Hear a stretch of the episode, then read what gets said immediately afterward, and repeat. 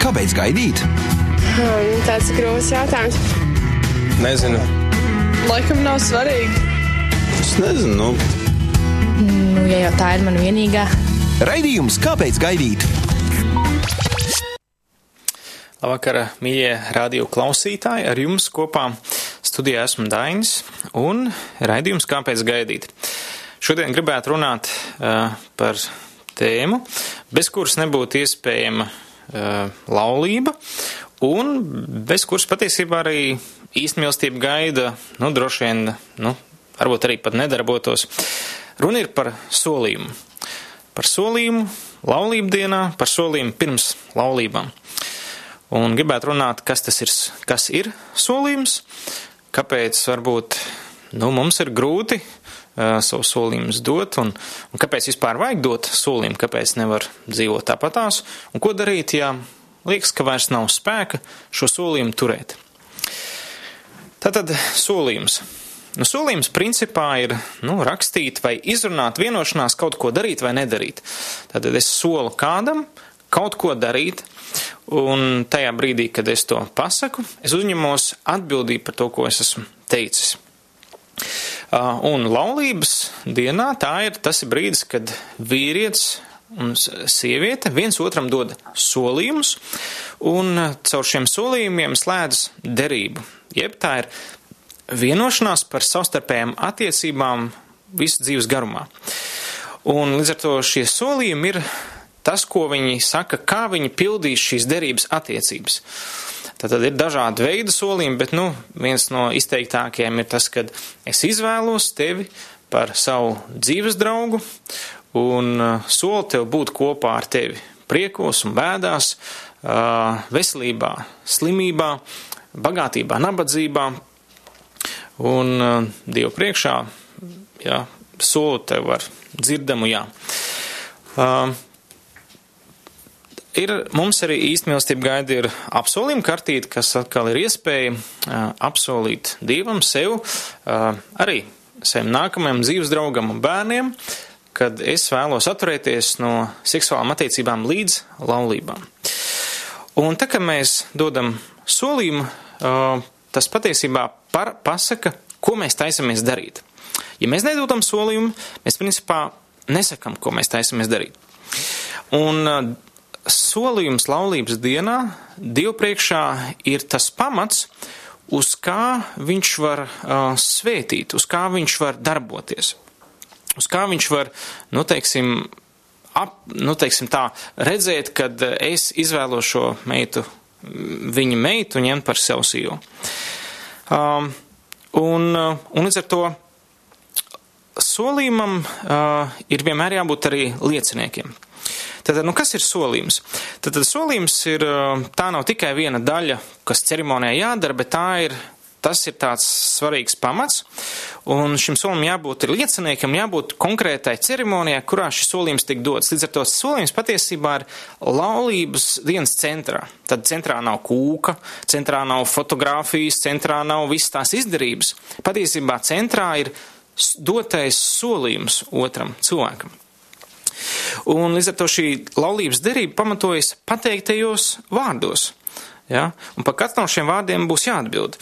Uh, piemēram, salmām pamācībās ir teikts mans dēls, ja tu par savu tuvāko galvo, un ja tu savu roku galvo, turi, uh, ja tu savu roku galvojumam par svešinieku esi devis, tad tu e, esi ar savas mutes sacīto saistīts, jeb sasiets, un tava paša mutes vārdi tevi tur savā gūstā. Līdz ar to pateikt, solīt kādam kaut ko, uh, nozīmē, nu, teiksim, nu, varētu teikt, sasaistīties ar viņu. Tātad, ja es saku, nu, es tevi precēšu un būšu ar tevi līdz tam, tam, tam, tam laikam, uh, vai līdz mūža beigām un tajos un tajos brīžos, tad man tas jāpild. Ja es to nepildu, es eju pret um, savu sirdsapziņu, pret tā otra cilvēka sirdsapziņu, un līdz ar to patiesībā es meloju. Ja, es esmu melis. Uh, līdz ar to arī šis solījums tiek teikts otram cilvēkam. Ja bieži vien uh, strādājot kādiem pārējiem, viņi saka, nu, nu jā, ja mēs esam gatavi tur teikt to, jā, nu galvenais mācītāji jūs vadiet, un tad viss būs labi. Taču solījumam jābūt kaut kam, nu, ka tu tam cilvēkam paskaties acīs, tu vērsies pie viņa, tu viņam, tu viņam kaut ko saki, un viņam ir jāklausās tajā brīdī. Un es esmu redzējis, ka tas ir tie bijuši, nu, varētu teikt, emocionālākais brīdis laulību ceremonijā. Pirmais brīdis ir tā, kad viņi ienāk un visi raudā, redz, cik skaisti viņi izskatās, bet otrs emocionālais brīdis ir tad, kad viņi saka šos vārdus kad es tevi izvēlos, vai viņi saka šo, nu, šai izvēles, nu, teiksim, solījumiem to dzirdamo jā, un tas rada parasto šo lielo sajūsmu. Ja? Līdz ar to ir ļoti svarīgi uh, to teikt otram, ka tas nav vienkārši, ai, jāatkārto pēc mācītājiem tā tālāk. Un vēl jau svarīgāk šis solījums tiek teikts Dievu priekšā. Tātad pats Dievs, kas radīs debesis un zemi, ir tam liecinieks. Un, un, š, un viņš ļoti ņem nopietni vērā visu, ko mēs sakam. Bībele saka, ka mums būs jāatbild par katru teikto vārdu tiesas dienā. Par, par lieki teikto vārdu. Ja, ja mēs kādus vārdus lieki izsakam un nepildam, mums par to jāatbild. Jo Dievs ļoti nopietni ņem vērā to, ko mēs sakam. Kāpēc? Tāpēc, ka viņš ņem ļoti nopietni to, ko viņš saka. Tad visu, ko Dievs apsola, visu, ko Dievs saka, viņš arī dara. Un ar to automātiski viņš gaida no mums to pašu. Un, un līdz ar to Dieva priekšā dod solījumu ir ļoti, ļoti nozīmīgi. Un daudz varbūt saka, nu jā, jā, bet mēs jau tur precējāmies Zaksā, nu mēs jau Dievu priekšā neteicām solījumu. Hmm, no kura brīža Dievs nedzird to, kas tiek teikt Zaksā? Hmm. Es nedomāju, ka Dievs, ah, nu Zaksā labi, es tad neņem vēro viņa laulību. Nē, nē, nē. Dievs arī katru teikto vārdu, kas tiek izteikts zaksā, viņš dzird. Līdz ar to savā veidā Dievs noteikti ir arī liecinieks tam. Tas, ka cilvēki varbūt nav izvēlējušies um, kaut kā to darīt baznīcā, tas nenozīmē, ka Dievs nav dzirdējis. Līdz ar to nevar teikt, nu jā, mēs jau nesolījām Dievu priekšā, mēs tagad varam šķirties. Patiesībā nē. Jo Dievs, redz, ir dots solījums, ir liecinieki, un pēc vietējās tradīcijas notikusi ceremonija. Tātad tās ir laulības. Tas, ka viņi nav izlūgušies, varbūt Dieva svētību, tas ir jau cita lieta. Bet, bet būtībā tas ir solījums, un, un Dievu priekšā tas ir dots. Neatkarīgi vai tas dots baznīcā, zaksā, vai jūrmalā, vai mežā, vai kur nu tagad tās kāzas taisa. Līdz ar to, ja Dievu priekšā dots solījums, ja Dievs ir dzirdējis, viņš no manis atprasīs, ko es esmu darījis, ar tiem vārdiem, ko es teicu, vai es viņus pildu vai nē. Un vēl šis solījums tiek teikts uh, arī citu cilvēku priekšā. Līdz ar to uh, nu, tā ir uzreiz cita atbildības. Nav tā kā es nu, tā pakluso pateicu tai meitenei, jā, es būšu ar tevi kopā un, un neatstāšu tevi. Bet tam ir liecinieki, ir viņi ir parakstījuši savu parakstu, es apliecinu, jā, ka šie ir izvēlušies viens otru precēt. Un vēl pats svarīgākais - vecāku priekšā. Man liekas, ka, eh, nu, ja, ja man kādreiz Dievs dos meitu, un viņa, teiksim, un kāds eh, jauneklis gribēs dot viņai solījumu, man tas būs ļoti svarīgi. Un ko viņš viņai saka? Ja? Vai viņš apsola uzņemties atbildību par manu meitu? Līdz ar to man tas ļoti, ļoti būs svarīgi. Es, līdz ar to es domāju, katram vecākam ir svarīgi dzirdēt, kad uh, viņa bērnam tas otrs bērns uh, sola, ja, dod šo solījumu, rūpēties par to cilvēku visu mūžu garumā. Līdz ar to tas mēs uzņemamies atbildību ne tikai savā, bet Dieva un cilvēku priekšā. Ja? Un, protams, tā otrs cilvēka priekšā, ko notiek laulības. Tātad, ši, un bieži vien uh, cilvēki tā kā saka, nu, tas ir tāds, nu, ceremonijā tā vajag. Un viņi pat neaizdomājas, par ko viņi sola. Jo, redz, jāpild ir tas, kas ir teikts. Līdz ar to mm, es, teiksim, laulā, laulātiem pāriem pirms laulībām saku, nu, izdomājiet, ko jūs teiksiet. Nu, slinkākais variants vienkārši teikt, beigās pēc visu, ko mācīties pateicis, jā. Parasti izvēlās to vidējo, kad uh, es pasaku kādu rindiņu, tad viņi atkārto.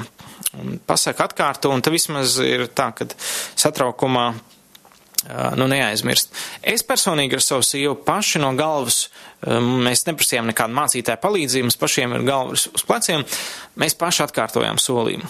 Taču citi, es, protams, nenotiesāju tos, kas to nedara, bet, bet, bet katrā gadījumā ir jāzina, ko mēs solam. Tad, tad principā solījumā jābūt kam? Apliecinājumam par to, ka otru izvēlies par laulāto draugu. Teiksim, es, manā solījumā bija teikts uh, savai sievai, ja, kad, uh, ja, kad es gribu būt ar uh, tevi labos un sliktos laikos, tā, tā, tā, tā, nāc un uzticies man. Ja, tā kā es aicinu viņai uzticēties man. Savukārt mana sieva laulībās atbildēja, es uzticēšos un iešu. Jā, es būšu ar tevi labos un sliktos laikos. Es būšu tad, kad tas būs viegli, un tad, kad tas būs grūti, un tā tālāk, un tālāk. Līdz ar to tā ir tāda komunikācija laulību dienā, kur mums ir tāds savu veidu dialogs, un tas ir kaut kas, tas ir kaut kas īpašs, kad es esmu izvēlējies. Es principā ar šo solījumu pasaku citām visām pasaules meitenēm, es esmu izvēlējies savējo, šī ir tā, kurā es ieguldīšu visu savu dzīvi. Un tie ir ļoti spēcīgi vārdi, un patiesībā balstoties tikai uz šiem vārdiem, mana sieva izvēlējās man precēties. Ar to viņi jau neredz, neredzēja šos 11 gadus, kas mums laulībā uz priekšu. Viņi jau nezina. Līdz ar to mēs varam balstīt un uzcieties, principā, balstoties uz izteiktiem vārdiem. Tas nozīmē, ka, protams, nu, ir jāzina, kas to saka, vienkārši jāredz un jā, jāpiezīst tas cilvēks, kurš to saka. Bet, principā, balstoties uz vārdiem, tiek izdarīta izvēle laulāties. Ja? Un, teiksim, kā bildinājumā, es bildināju savu sievu, viņa atsaucās maniem vārdiem. Līdz ar to vārdiem ir ļoti liels spēks un nozīme. Tātad šajā solījumā tā teikts apliecinājums par izvēli.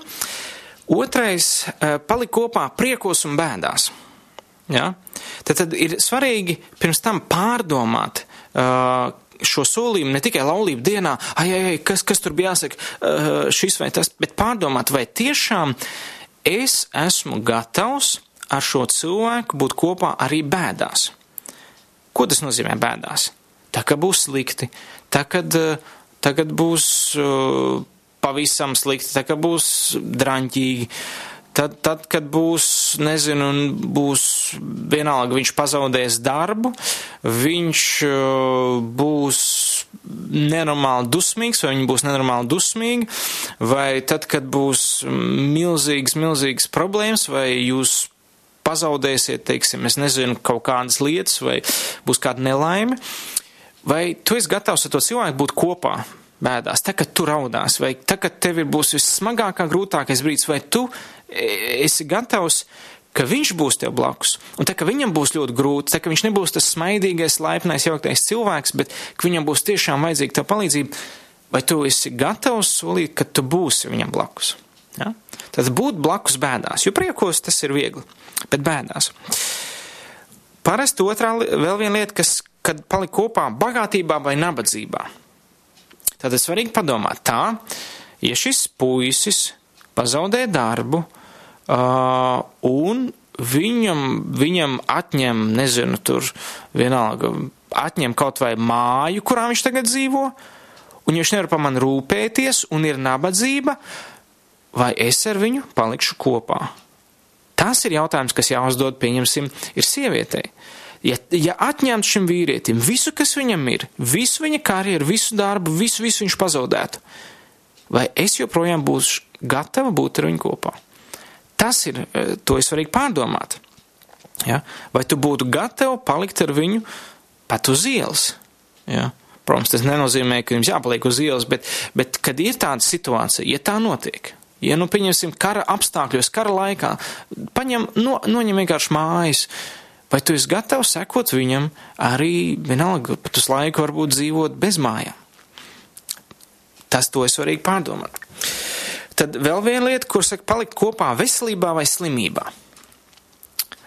Tātad slimībā, ko tas nozīmē?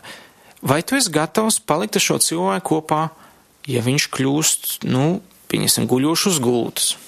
Nu labi, nu pieņemsim, gripa ir ok, 5-6 dienas ja viņš paliek invalīds, ja šis cilvēks paliek tiešām guļošs un slims, ka viņš vairs nevar, nevar nezinu, staigāt un aprūpēt sevi, ir tomēr, es saprotu, tas ir ļoti tā nopietni, ļoti, nu, prasa jau citu atdošanos, bet bez tā šis, šo, šo lietu solīt nav jēgas.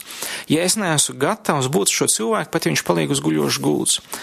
Teikšu atklāti, es par to nedomāju laulību dienā, bet, ja tagad sāk aizdomāties, uh, jā, es, es, es noteikti, man ir jāpaliek ar savu sievu kopā. Pat ja notiek kaut kas tāds, nedod Dievs. Dievs zina, viņš nekad neuzliek vairāk, kā mēs spētu panest.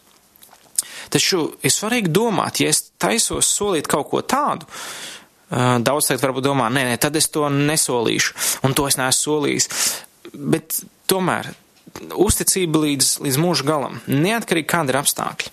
Ja? Līdz nāve mūs šķirs. Ja? Tas nozīmē, līdz, eh, kad beigsies man mīlestība, tad mēs šķirsimies. Nē, tiešām sagaidīt to brīdi, kad jūs esat veci, eh, nespējīgi varbūt kaut kādā ziņā un, un, un palikt līdz tam. Es vienmēr, teiksim, jauniešiem saku, pārdomājiet, vai esat gatavi redzēt otru cilvēku vecu, krunkainu, kā samurcītu papīru, iespējams ar protēzēm un ar sirmiem matiem vai bez matiem. Jo vīriešiem sanāk tā, ka bieži vien dzīves laikā to matu vairs nav. Um, līdz ar to ir labi pārdomāt, vai, vai es esmu gatavs tiešām līdz pēdējai nāves dienai tieši ar šo cilvēku palikt kopā es tagad nemēģinu atrunāt no laulībām, bet es mēģinu pateikt, ka ir ļoti svarīgi pārdomāt, ko mēs esam solījuši. Pieņemsim, man tagad, eh, manā solījumā nebija eh, varbūt tik ļoti par bagātību un nabadzību, bet, bet es teiksim, man ir labi pārdomāt. Tā, bet kas, kas notiek, ja mēs paliekam uz, uz ielas? Domāju, oh, nu, ja es gribētu kādu dzīvot uz ielas, tad droši vien tā būtu mana sīva. Bet, protams, eh, Dievs rūpēs visiem bērniem un viņš vienmēr eh, palīdz. Līdz ar to uh, ir labi par solījumiem domāt un iz, izdomāt, nu, varētu teikt, nedaudz jau varbūt galējības, lai tas solījums būtu nopietns, lai tas, tam solījumam būtu spēks. Un līdz ar to mm, man nesen nāca tā prātā doma, uh, kad ir svarīgi arī Eh, lai mans jā būtu stiprs laulību dienā, man iespējams būs jāsaka daudzi nē pirms laulībām. Nu, pieņemsim, eh, ir, eh, ja cilvēks gaida to savu otro pusīti, viņš, viņš pasaka daudzām citām meitenēm nē un daudzām, un arī intīm attiecībām nē, tad viņa jā laulībās būs daudz spēcīgāks un lielāku svaru. Līdz ar to katrs nē pirms laulībām stiprinās tev jā laulību dienām. Hm? Līdz ar to tas tavs solījums būs uh, daudz spēcīgāks, ja viņu pavada darbi līdz laulībām. Um, pieņemsim, īsti mīlestība gaida, mums ir tāda apsolījuma kartīte, um, kurā rakstīts, ticot, ka īsti mīlestība gaida, es apsolu Dievam, sev, draugiem, ģimenei, dzīves draugam, bērniem, ka es atturēšos no seksuālām attiecībām, sākot no šīs dienas līdz laikam, kas stāšos laulībā. Kāpēc būtu svarīgi apsolījumu kartīt tie, kas vēl nav precējušies, tādu parakstīt? Tātad, ja es kaut ko solu Dieva priekšā, Dievs to ņem nopietni, un viņš darīs visu, lai palīdzētu man šo solījumu pildīt. Tad, tad, ja es solu kaut ko Dievam, tad, tad nevis Dievs, es priekš tevis to darīšu, bet Dievs, tāpēc, ka tu to aicini darīt, es saku jā šim aicinājumam un es izvēlos gaidīt līdz laulībām, atturēties no šīm seksuālām attiecībām. Dievs ņem ļoti vērā, un viņš nevis tā kā skatās, nu, kā tu tagad tu pildīsi? Nē, viņš ņem vērā un nāk palīgā pildīt šo solījumu. Taču, ja šis solījums nav dots, tad Dievs nemaz nevar nākt palīgā. Nu, kur, uz ko tam man, viņam nākt palīgā? Es neko nesu solījis. Jo Dievs tiem, kas viņa priekšā sola kaut ko saka, viņš viņiem palīdz pildīt tos solījumus. Viņš ir Dievs, kas rūpējās, kas, kas uzņemās atbildību. Ja es atsaucos Dievu pavēlēji, ja, kā Bībelē saka, jūsu aicinātājs ir uzticams, viņš būs arī darītājs. Tad, ja viņš aicina, atteikties no intīmām attiecībām līdz laulībām, viņš dos man vajadzīgo spēku un izēju no visiem kārdinājumiem, lai šo solījumu varētu turēt. Un tieši tāpat ir laulība dienā. Ja es esmu devis savai sievai Dievu priekšā solījumu, Dievs darīs visu no savas puses, lai palīdzētu man šo solījumu noturēt. Līdz ar to, bet ja solījums nav dots, ja, ja teiksim, šī apsolījuma kartīte nav parakstīt, vai šis apsolījums vismaz savā sirdī nav tā apzināti teikts Dievam vai laulību dienā, tad, nu, tur, ne, tur nav kur Dievam pieķerties. Ja? Līdz ar to šis apsolījums ir tāda, tāda lieta, kas palīdz, un par to mēs varētu runāt vēl nedaudz sīkāk pēc kāda brītiņa, kāpēc ir svarīgi dot šo solījumu. Taču kas mūs parasti attur no nopietnu solījumu došanas? Viena no tādām lietām ir bailes, ka es, ka es nespēšu izturēt un pildīt solīto. Ja? Tad es labāk nesolu, jo es, nesolu, jo es baidu, baidos, ka es nespēšu pildīt. Nu, pieņemsim, laulībās, es, ne, es neesmu gatavs laulībām, un ja nu es nevarēšu izpildīt. Šajā gadījumā problēma ir tas, ka cilvēks fokusējas uz sevi. Vai es nevarēšu, vai man sanāks, vai es, es, es, es, es. Taču, ja tagad mēs sākam domāt, kas otram tam cilvēkam vajadzīgs, viņam ir vajadzīgs cilvēks, kas viņu mīl, kas viņam ir uzticams, kas eh, viņam palīdz, kas piepilda viņa vajadzības, tad es novēršu šo fokusu no sevis uz to cilvēku, uz viņu vajadzībām.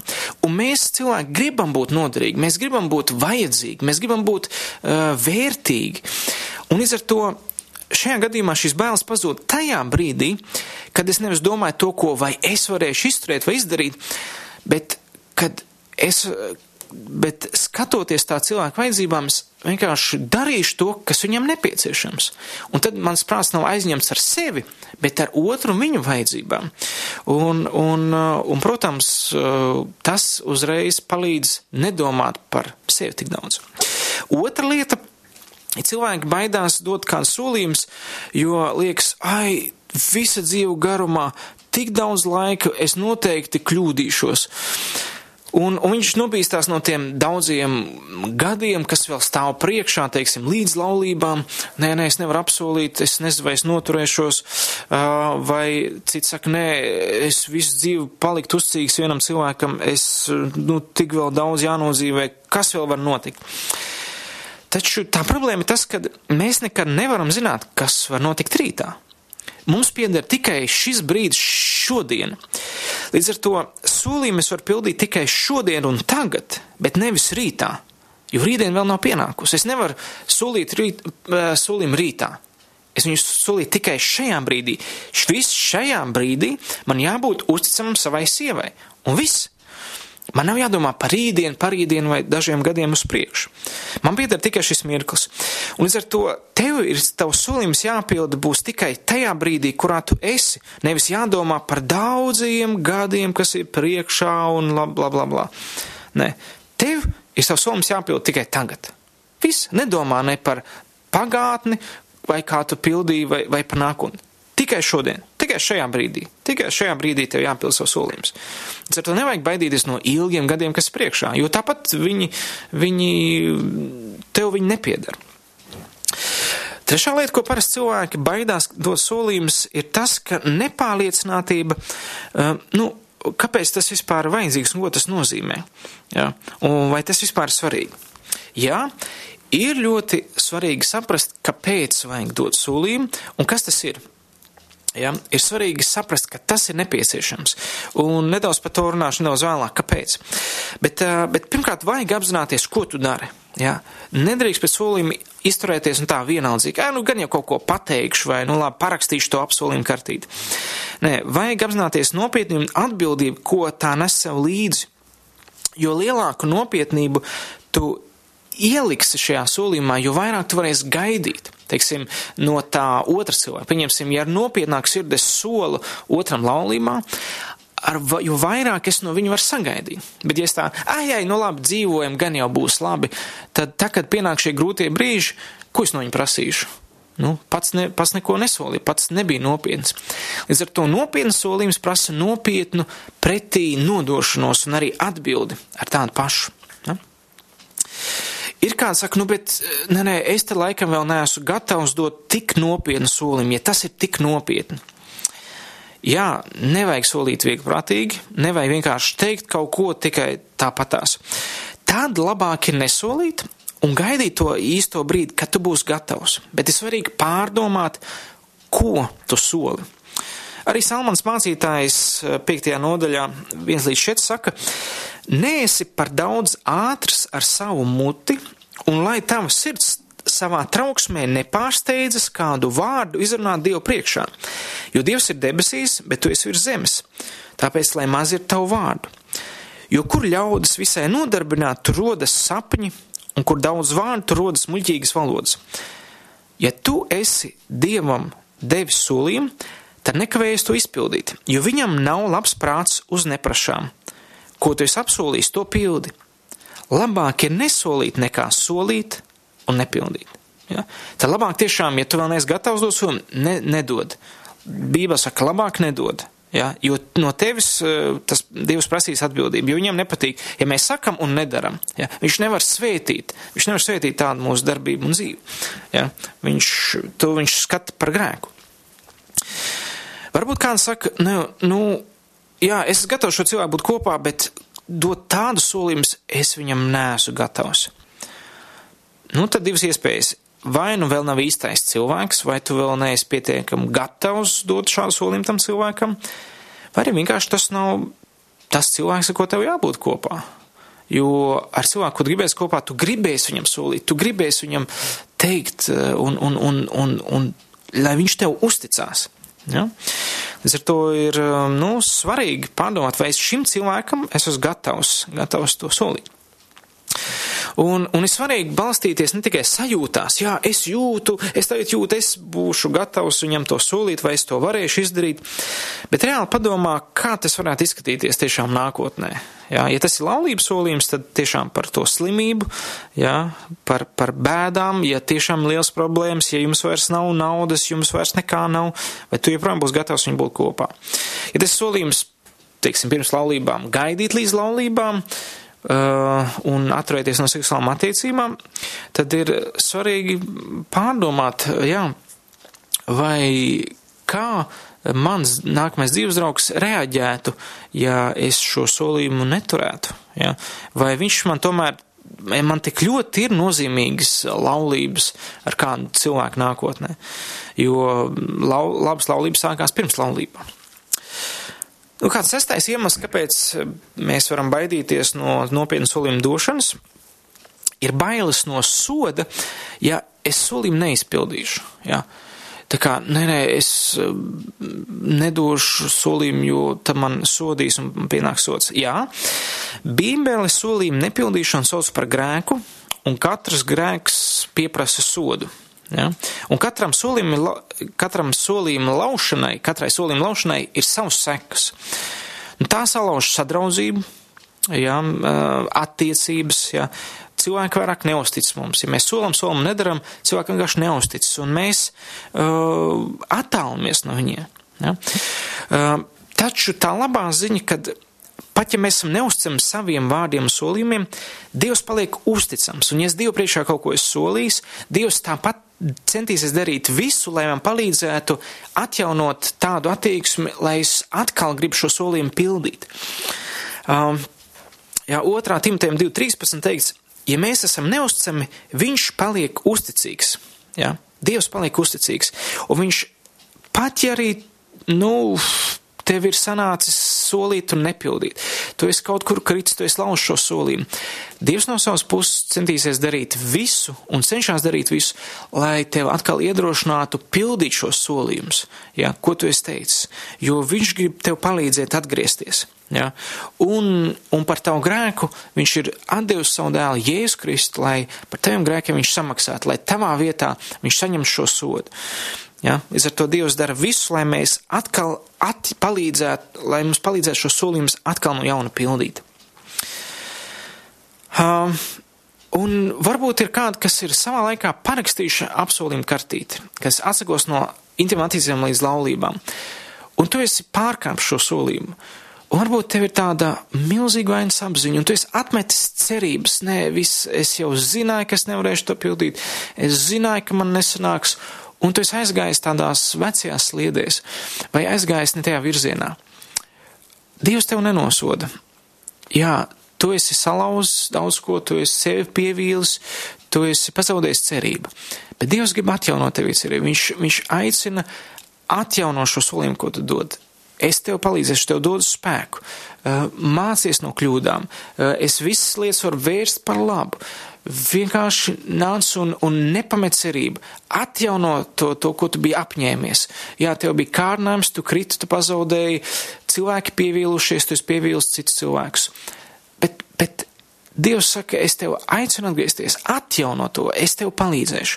Un līdz ar to, ja tu esi kādreiz parakstījis šo apsolījumu kartīti, Tu nevari vienkārši no tā, tā izlikties, kā tas nebūtu bijis. Tu joprojām esi saistīts. Un tev ir divas izvēles - ignorēt to un mocīties, vai arī vienkārši nožēlot, lūgt Dievam piedošanu un atjaunot tev spēku atkal no jauna pildīt šo solījumu, un viņš tev palīdzēs. Jēzus ir nācis, lai palīdzētu mums grēciniekiem. Līdz ar to mums ir cerība.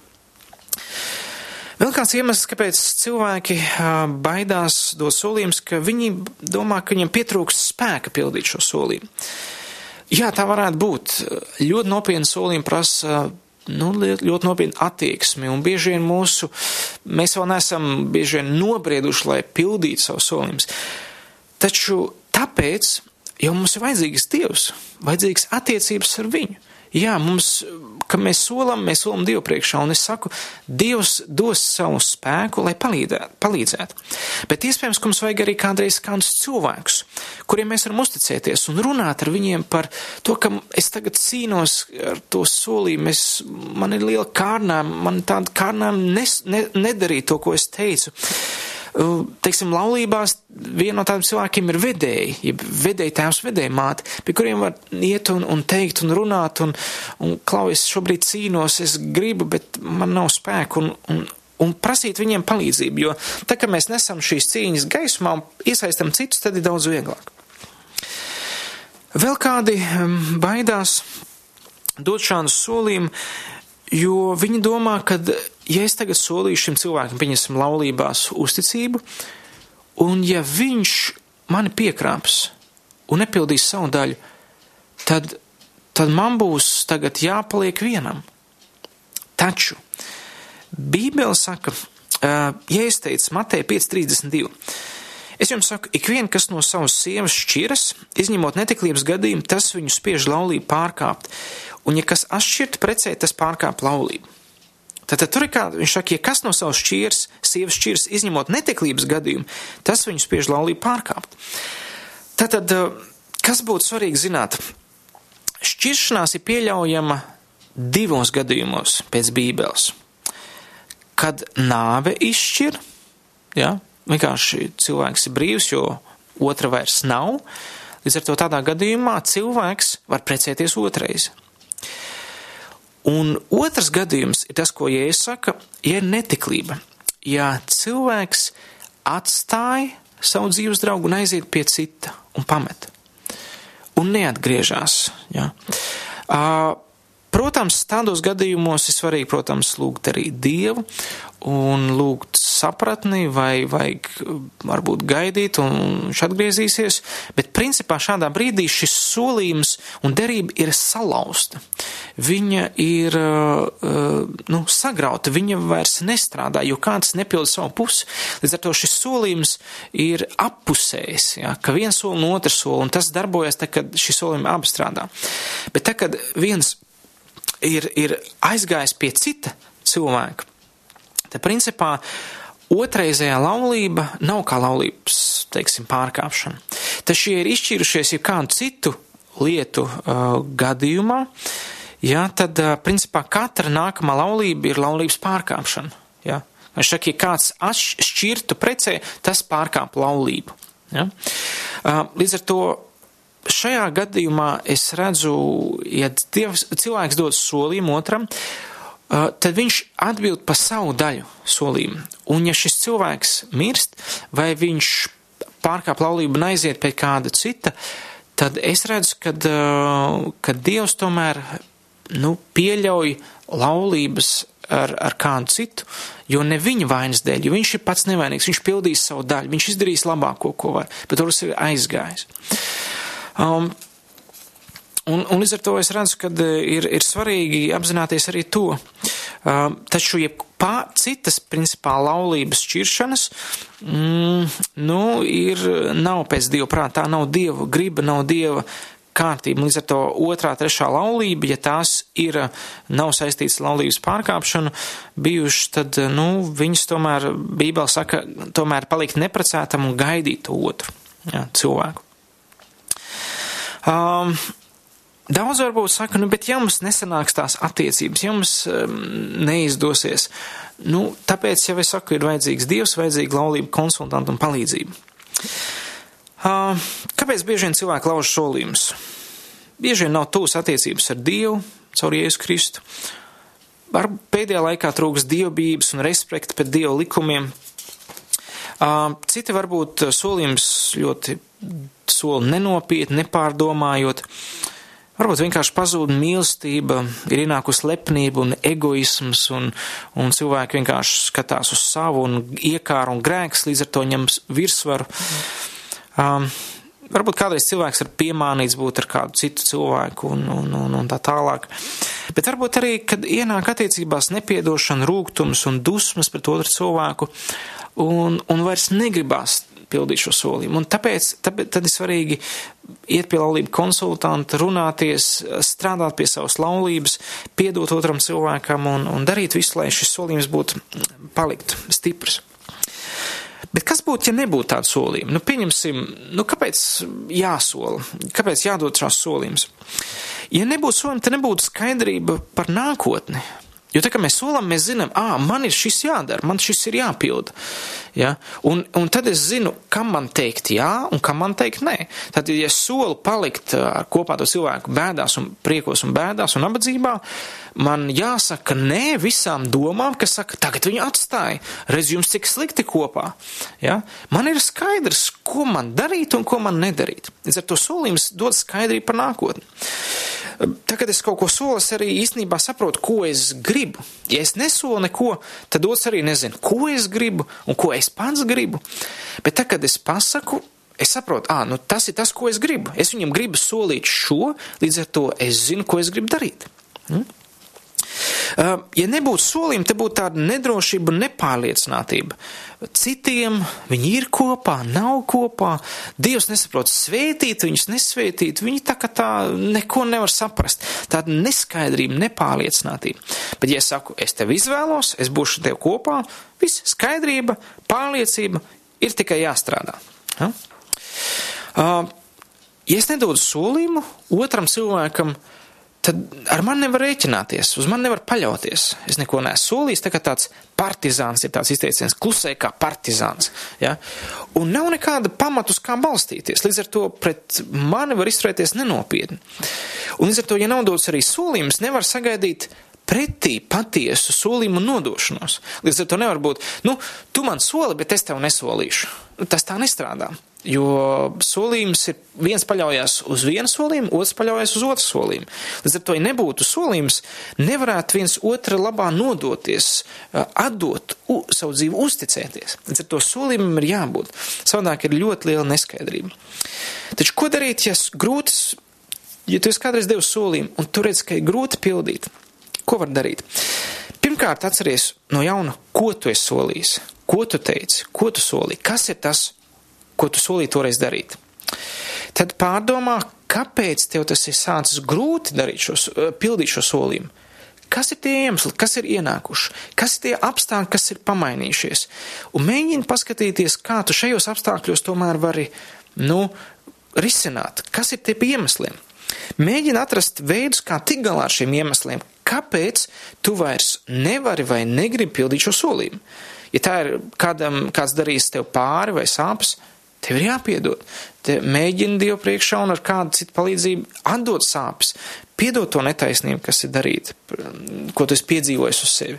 Ja pārdomā visiem, kāpēc tu nevari, vai tev ir kļuvis grūti pildīt šo solījumu. Varbūt tev parādījušies kādi cilvēki, kas mēģina no tā atturēt, aizvilkt projām no tā. Tava atbildība ir atteikties no visiem apstākļiem, visiem cilvēkiem, kas tev traucē pildīt šo solījumu. Varbūt padomā, kas ir tas, kas mēģina tev aizvilināt projām no šīs solījuma turēšanas. Tad tev svarīgi izvērtēt, kas notiks, ja tu vairs to nepildīsi, ja tu pārtrauks pildīt šo solījumu. Kāda būs mīnus, kādas negatīvās lietas ienāks tavā dzīvē? Kas notiks ar tevi, tavu dzīvi, tavu reputāciju, ar otru cilvēku, kā viņš jutīsies? Mēģini ieraudzīt visus negatīvos lietas un visus draudus, kas notiks, ja tu vairs neturēsi šo solījumu. Bet tad padomā arī, kas būs, ja tu tomēr turēsi šo solījumu, ja tu spēsi izturēt un palikt. Ja? Kādu labumu tas nesīs tavā dzīvē? Um, kas, kas, var, kas var mainīties, nu kā tu sev pasargāsi, kas būs tie iegūmi, ko tu iegūsi, ja tu paliksi un turēsi šo solījumu. Tad ir labi, ja tu pārunā ar kādiem citiem cilvēkiem par savām cīņām, ja tu nevari turēt šo solījumu, kādu uzticam cilvēku.